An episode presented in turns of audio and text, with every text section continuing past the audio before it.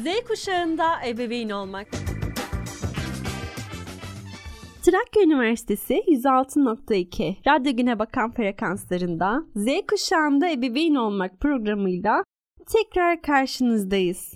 Programı hazırlayan ve sunan ben çocuk gelişim uzmanı Betül Yılmaz. Yeni konumuza geçmeden önce programımızı kaçıran, tekrar dinlemek isteyen veya çevresine önermek isteyen dinleyicilerimiz için Radyo Güne Bakan Spotify hesabını hatırlatmak isterim. Ayrıca soru, görüş ve önerileriniz için de Radyo Güne Bakan trakya.edu.tr adresinden Türkçe karakter kullanmadan ya da 0284 235 44 41 adlı telefon numarasından bizlere ulaşım sağlayabilirsiniz efendim. Bu hafta Z kuşağında ebeveyn olmak programında geçen hafta sizlerle birlikte konuşmuş olduğumuz çocuk istismarının tarihsel süreç içerisindeki yayılımı, gelişimi, kanun ve tüzükte meydana gelen değişikliklerden bahsetmiştik. Bu hafta ise çocuk istismarı türlerinden bahsediyor olacağız. Çocuğa yönelik istismarda farklı şekillerde sınıflandırmalar mevcuttur değerli dinleyiciler. Ancak genel olarak bakıldığında literatürde özellikle fiziksel istismar, cinsel istismar, duygusal istismar ve ekonomik istismar olarak dört ana başlık karşımıza çıkar. Aynı zamanda fiziksel istismar konusunun içerisinde bir nokta vardır ki oradan da bahsetmemiz gerekmekte. O da sarsılmış bebek sendromudur.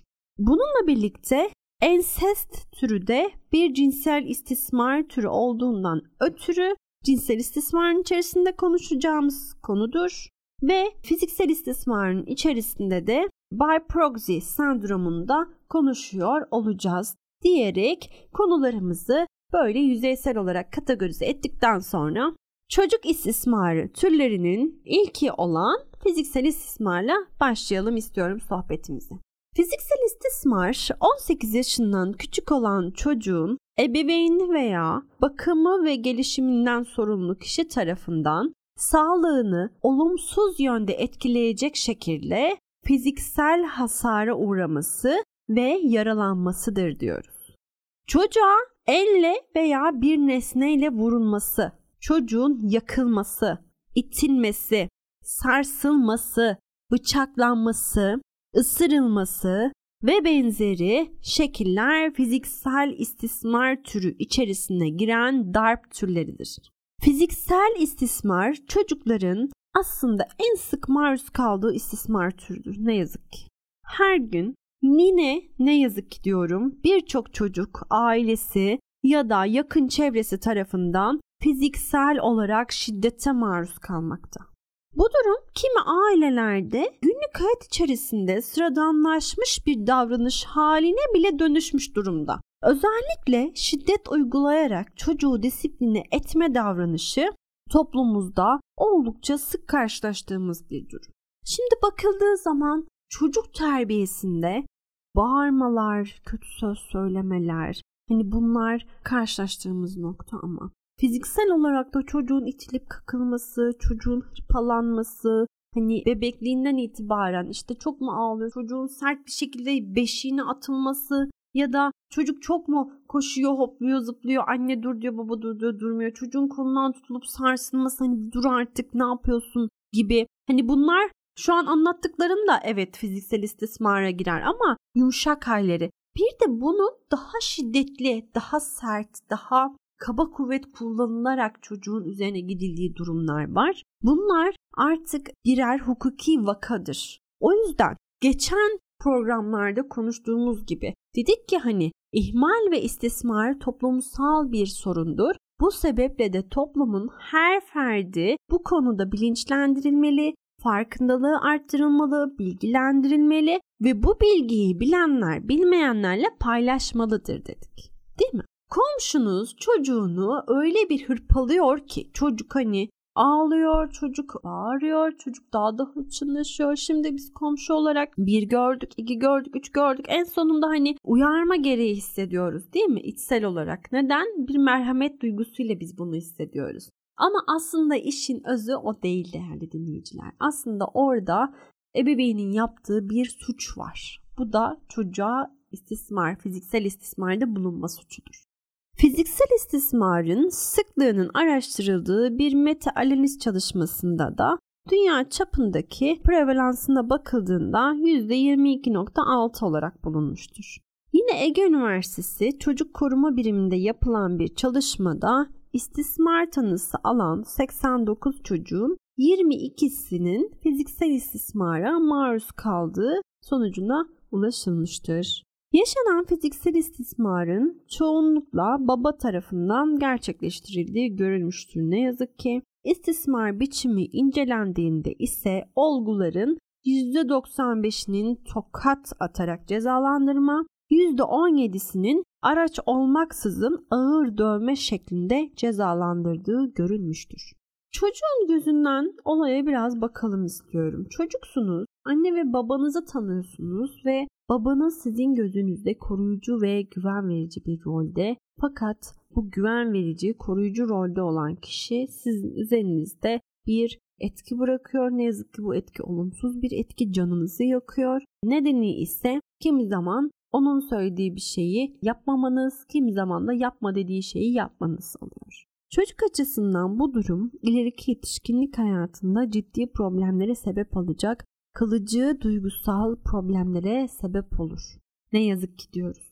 Bu sebeple babaların özellikle fiziksel istismarda bu denli ağır bir rol oynaması esasen toplum olarak bizim temel problemlerimizden biri bana soracak olursanız.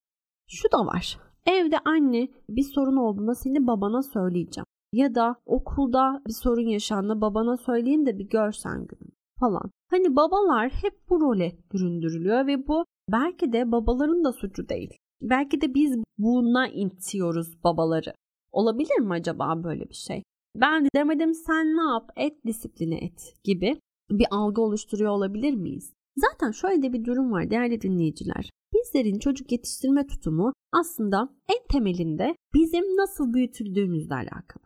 Biz nasıl bir babanın yanında büyütüldüysek o şekilde babalık etmeyi öğreniyoruz. Nasıl bir anne bizi büyüttüyse o şekilde annelik etmeyi öğreniyoruz. Bu öncelikli olarak evcilik oyunlarımızda yansıyor. Ardından da gerçek hayat içerisinde kendini çok güzel bir şekilde tezahür ettiriyor. Bu sebeple hani dedik ya birçok vakada aslında dayak, şiddet, bunlar disipline etme yolu ve normalize edilmiş şekiller. Neden? Çünkü kişi onu görmüş. Onu görmüş ki o şekilde disipline etmeyi, o şekilde hayır demeyi, o şekilde sınır ve kural koymayı biliyor. Ya da o şekilde öfkesini dışa yansıtmayı biliyor. Değil mi?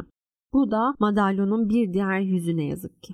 Çocuğa uygulanan şiddeti normal olarak görmek, bunu bir terbiye aracı olarak kullanmak çoğu ailenin temel problemidir. Bu durumun olduğu ailelerde çocuklar sürekli olarak fiziksel ve aynı zamanda duygusal şiddetle karşı karşıya kalmakta. Bunun sonucunda da çocuğun hem psikolojik hem de fiziksel gelişimi ciddi anlamda hırpalanmakta, zarar görmektedir diyoruz. Şimdi fiziksel istismarın içerisinde dedik ya hani sohbetimize başlarken bir kroki çizdik. Sarsılmış bebek sendromunu da burada konuşacağız dedik. Gelelim sarsılmış bebek sendromu nedir? Hani babalar ya da büyük anne, büyük babalar çocuğu severken annelerin çok yaptığını görmüyorum. Çok nadir karşılaşıyorum ama çocuğu yakın çevresi severken böyle tutar koltuk altından ve hop der havaya atar, hop der tutar, hop der tekrar atar. Aman da aman der tavana değdi der tavana değdirmeye falan çalışır. Şimdi bu aslında bir fiziksel istismar türü. Burada bir duralım, burada bir düşünelim istiyorum. Sarsılmış bebek sendromunun tanımı ise şu. Bebeğin kuvvetli bir şekilde sarsılmasıyla bebekteki işte kafa içi kanamasının, beyin hasarının ya da göz dibi kanaması gibi ciddi sağlık sorunlarına yol açabilen bir durum olduğundan ötürü diyoruz ki çocuğun, bebeğin kuvvetli bir şekilde sarsılmaması, havaya atılıp hop tutulmaması gerekmekte. Hatta ve hatta bebeğin kuvvetli sarsılması sonrasında ölüm durumları dahi yaşanabilmektedir diyoruz. Ve özellikle sarsılmış bebek sendromu en fazla 2 yaşın altındaki bu tam artık bebeğin eli avuca geldiği dönemlerde deriz görülmekte ve ölüm gibi de ne yazık ki ciddi olumsuz sonuçlara sebep olabilmektedir. Bu sebeple çevrenizde görürseniz eğer çocuğunu havaya atan, atıp da tutan, işte aman da aman deyip özellikle 2 yaş altında sarsarak hırslı bir şekilde seven. Bizim çünkü toplum olarak seviş tarzımız bile bir anormal değerli dinleyiciler. Geçen bir vaka geldi. Biraz onu konuşalım aklıma gelmişken. Benim çocuğum ısırıyor hocam diyor. Bir dakika dedim tamam nasıl ısırıyor? Geliyor mesela bizi öpmek yerine ısırıyor. Ya da öpmek yerine bizi kokuyor. Kaç yaşında bu çocuk? İşte iki buçuk üç yaşında falan. Peki siz çocuğunuzu nasıl seviyorsunuz? İlk sorduğum soru bu oldu. Siz nasıl seviyorsunuz? Bir durdu anne de baba da. Ya aslında biz de onu evet biraz hırpalayarak seviyoruz. Hatta hani poposundan falan böyle hani olur ya hocam çok tatlı oluyorlar ısırıyoruz. Peki başka? İşte çok güzel koktuğu için kokuyoruz. Tamam. Peki bu çocuk bunları sizden öğrenmiş olabilir mi acaba? Çünkü sevgiyi siz bu şekilde gösteriyorsunuz. Ebeveynler o an küçük bir duraksamadan sonra evet olabilir sonucuna vardı. Biz nasıl çocuğa neyi nasıl öğretiyorsak çocuk da o şekilde bize dönütte bulunuyor. Bu sebeple sarsılmış bebek sendromuna gelecek olursak tabii ki de biz bebeği atıyoruz da bebek de bizi havaya atmıyor ama bebeğe verdiğimiz zarar aslında sevme şeklimizdeki problemden kaynaklanıyor. Sevgiyle yapılan bir şey daha intizamlı, daha hassas olmalıdır. Sevgi vardır çünkü işin içinde. Çocuklarımızı özellikle bebeklik döneminde severken daha dikkatli olmamız gerekir. Onların kemik ve iskelet sistemi henüz oluşmadığı için alabilecekleri küçük darbelerde direkt iç hasara sebep olabilir, beyin hasarına sebep olabilir. Organları henüz daha tam olarak gelişmediği için, en yüksek performans sergileyemedikleri için hasara açık olduğundan ötürü de daha korunaklı bir alanda sevgimizi göstermemizde fayda vardır. Bu yüzden diyoruz ki sarsılmış bebek sendromu belki de toplum olarak yanlış bilinen bir algı. Bebekler, çocuklar hırpalanarak sever. Ben böyle seviyorum. Bu yanlış bir algıdır. Çocuk ya da bebek bu şekilde sevilmez. Çocuk ya da bebek ağlatılarak sevilmez. Ben inatlaşmayı çok seviyorum çocuklarla. Senin anneni ben alacağım. Senin babanı benim babam olacak artık gibi. Hayır senin kardeşin benim kardeşim olacak artık gitmeyeceksiniz eve falan gibi böyle inatlaşmalara hiç girmeye gerek yok. Çocuk dediğiniz varlık özellikle çocukluk dönemi dediğimiz bu 0-6 yaş döneminde her noktada kritik öneme sahip olan gelişimsel bir süreç içerisindedir. Bu sebeple de bir şey yaparken bir kere değil iki kere düşünmekte fayda vardır. Farkında olmadan uzun lafın kısası sarsılmış bebek sendromunda bebeklerin kuvvetli bir şekilde sevilmemesinin farkındalığını yaratmak için anlatıyorum sizlere. Özellikle 2 yaş altı bebeklerde kuvvetli bir şekilde sarsarak sevilmesi sonucu kafa içi travmalar, kanamalar, beyin hasarı, gözde bir kanaması ve hatta ve hatta ölüm gibi sonuçlarla ağır bir imtihanla sınanabiliriz. Bu sebeple buna dikkat etmekte fayda vardır diyoruz. Şimdi bir başka sendroma geçelim. Mackhausen by proxy sendromu. Uzun ismi bu değerli dinleyiciler. Meadow tarafından 1977 yılında tanımlanan Mackhausen by proxy sendromu ise şudur. Ebeveyn ya da bakım veren kişinin çocukta bir hastalık olduğunu düşünerek çocuğu sürekli doktora götürmesidir. Hayda bakın bu da bir problem. Bu da bir istismar. Gördünüz mü?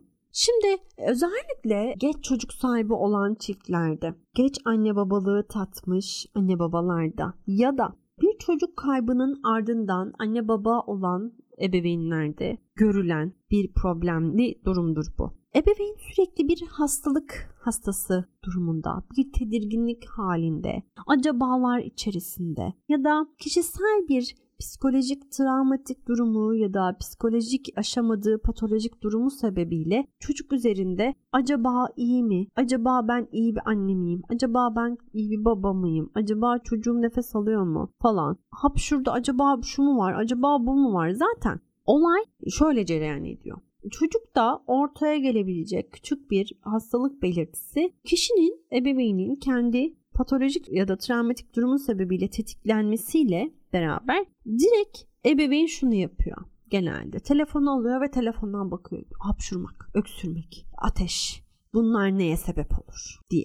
Zaten bilgi kirliliği çok fazla internet ortamında. Bu sebeple internette de vay efendim şöyle bir hastalık, vay efendim böyle bir hastalık. Hemen apar topar çocuk toplanıyor, hastaneye götürülüyor. O testten bu teste, şu kandan buna şuna derken çocuk ortada hırpalanıyor, perperişan oluyor. Bu sendroma sahip ebeveynlerde hastalıkla ilgili çocuğa tıbbi müdahaleler yapılır ve bu uygulamalar sonucunda çocuk zarar görebilir. Ve ne yazık ki bu istismar türünde istismarcıların büyük çoğunluğunun mağdurun annesi olduğu belirtilmekte. Yapılan araştırmalar bu sonucu veriyor bize. Ayrıca istismarda bulunan kişilerin %23'ünün doğum komplikasyonu yaşadığı, %30'unun çocukluk çağında kötü muameleye maruz kaldıklarını belirttikleri de görülüyor. Bakın yine döndük çocukluk dönemine. Kişi kötü bir çocukluk geçirdiyse, kişi hastalandığında ihmal edildiyse, ilgilenilmediyse, ileride kendisi anne ya da baba olduğunda çocuğa daha iyi bir annelik babalık yapabilmek adına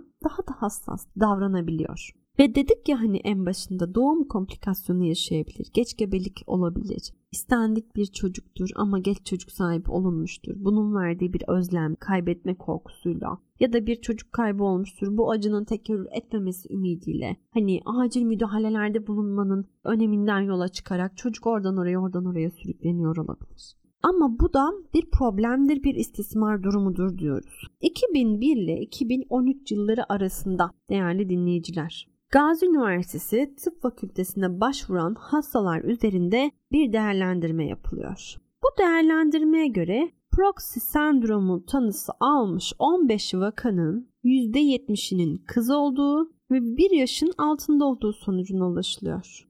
Bakın %70'i kız, 15 vakanın %70'i kız ve 1 yaşın altında olduğu sonucu. Neden? Çünkü bebekken bir kız çocuklarının bizim toplumumuzda daha bir narin, daha bir hassas, işte daha korunmaya, ilgilenilmeye muhtaç olduğu kanısı var. Bir diğer noktası ise bir yaşın altındaki bebeğin daha tabii ki de anlaşılması güç bir varlık olması değil mi? Bu vakalarda çocuğu koruyabilmek için ebeveyn mutlaka incelenmeli ve mutlaka bir psikoterapi sürecinden geçmelidir diyoruz.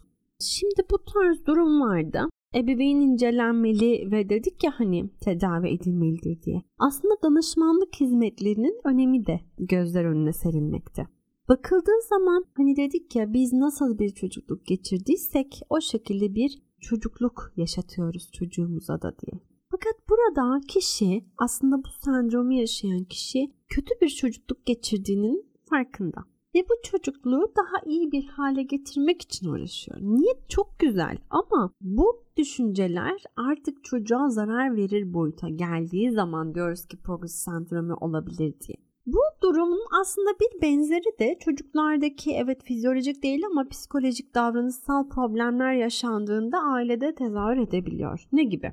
Çocuk ciddi anlamda teknolojik cihaza maruz bırakılmış. 4 yaşında bir çocuktan bahsedelim. 4 yaşında bir erkek çocuğu olsun hatta. Bugüne kadar ciddi anlamda günde 3 saat, 4 saat işte bebekliğinden itibaren sürekli bir teknoloji kullanımına maruz bırakılmış. Çocuğun eline verilmiş tablet, telefon, oyna yavrum sen denilmiş, gidilmiş. Yemek yapılmış, oyna yavrum sen denilmiş, gidilmiş. İşte araba yıkanmış, bir şeyler yapılmış.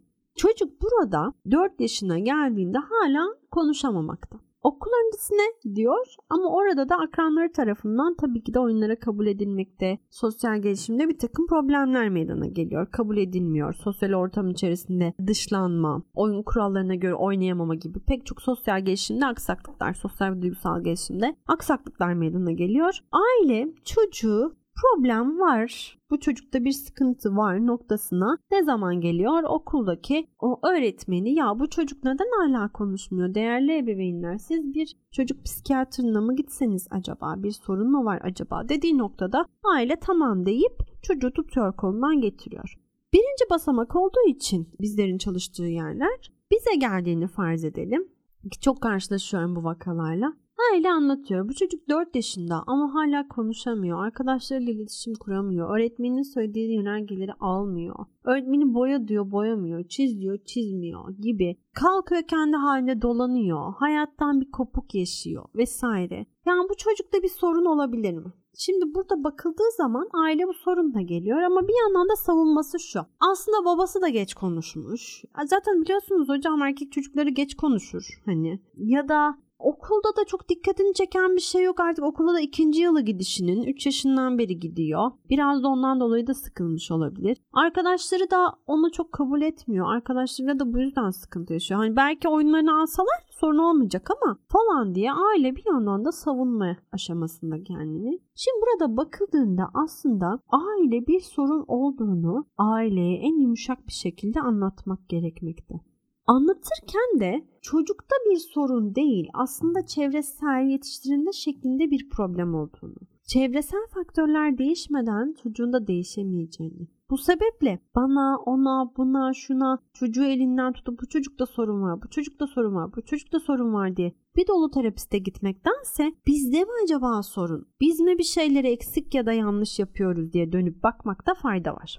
Burada aslında danışmanlık hizmetinden kastımız bu. Önceliğimiz aileye farkındalık sağlayabileceği bir psikoeğitim vermek olmalı. Onları kırmadan, incitmeden özellikle proksi sendromunda ailenin kaygı ve korkularını olabildiğince en alt düzeyde tetikleyerek aileye bir şematik yol haritası çizmekte fayda var. Aksi takdirde ailenin bu görüşme esnasındaki interaktifliği kırılır, aile kendini geri çeker, daha çok kaygı ve korkuları tetiklenir, iç dünyasına döner, hani yıkıp kırıp bırakamayız da aileyi. Burada bir ciddi patolojik probleme sebep olmuş oluruz. Yani olduğu halinden daha kötü bir hale getirmiş oluruz. Biz bunu istemiyoruz. Özellikle proxy sendromundaki bu hassas aileyi kaygı ve korkuları, endişeleriyle baş edebilecek şekilde doğru birimlere doğru yönlendirmeler yaparak adım adım ilerlenmesi ve çocuk üzerinden bu elin eteğin ufak ufak çekilmesi, her şeyin yolunda olduğunu aileye adım adım gösterilmesi gerekmekte. Bu sebeple doğru birime doğru zamanda doğru yönlendirme çok çok önemlidir değerli dinleyenler. Proxy sendromu ve sarsılmış bebek sendromundan bahsettik. Bunlar dedik fiziksel istismar türünün içerisine giren sendrom türleridir dedik. Bu programda fiziksel istismar ve çeşitleri üzerine durduk. Cinsel istismar, duygusal istismar ve ekonomik istismar bir diğer programlarında konusu olacaktır değerli dinleyenler. Bu programımızın konusunu tamamladığımıza göre programımızı ufak ufak sonlandıralım istiyorum. Z kuşağında ebeveyn olmak programının bu haftada sonuna gelmiş bulunmaktayız. Haftaya çocuk istismarı türlerinden olan cinsel istismarı konuşmak üzere Perşembe günü saat 2'de 106.2 Radyo Güne Bakan frekanslarında sizleri bekliyor olacağım.